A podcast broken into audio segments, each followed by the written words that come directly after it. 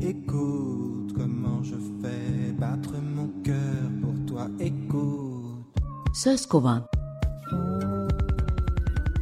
Sözcüklerin kökenleri. Hazırlayan ve sunan Hatice Örün.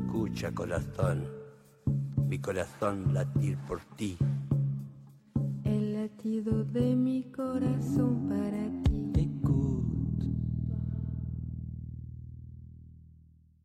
İsim şehir oynuyoruz, sözcükleri kovalıyoruz. Torbadaki harfler azaldı. Bu hafta i harfini çektim ve Türkçe'ye özgü sesli bir harf olan ı harfini de yanına ekledim. İ harfi altında seçtiğim isim İdil. Bana söz kovan için destek veren sevgili sıra arkadaşımın ismi. İdil, dilimize Fransızca söylenişiyle girmiş olan Latince idilium, kır sahnelerini anlatan kısa şiir demek. Latince'ye ise eski Yunanca eidilion, tablocuk, minyatür resim sözcüğünden girmiş. Sözcüğün kökü Sanskritçe veid, görmek demek. Anlam genişlemesiyle ve Platoncu felsefenin etkisiyle düşünce olmuş. Böylece idea göz önüne getirme yani hayal etme, düşünme, idil ise göz önüne getirilen hayal edileni tanımlamış. Bu sözcüğün peşinden giderken anlatmak istediğim bu idile yani tablocuğa neden minyatür denildiği. Bunun için 14. yüzyıla kitapların el yazması olduğu zamana gidiyoruz. Bir takım çalışması olan kitabın yapımında önce katipler yazıyı kopyalıyor, küçük resimler için yer bırakıyorlar. Sonra da ressamlar resimleri ekliyorlar.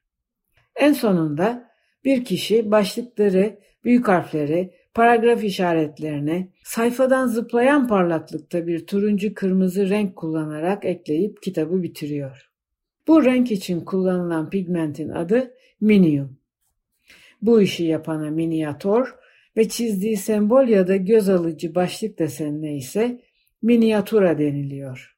Sözcüğün aslının minik olmakla ilgisi yok. Minium yani kurşun tetrokside doğal halde az da olsa bulunuyor ama daha çok kurşundan üretiliyor. Üretimi kurşun beyazı üretimi ile aynı. Kurşun beyazı ilk kez M.Ö. 2300 yılında Anadolu'da üretilmiş. Pliny the Elder'ın 2000 yıl önce yazdığı tarif yüzyıllarca değişmemiş. Kurşun levhaların güçlü bir sirke ile turşusu kuruluyor ve ağzı sıkıca kapatılıyor.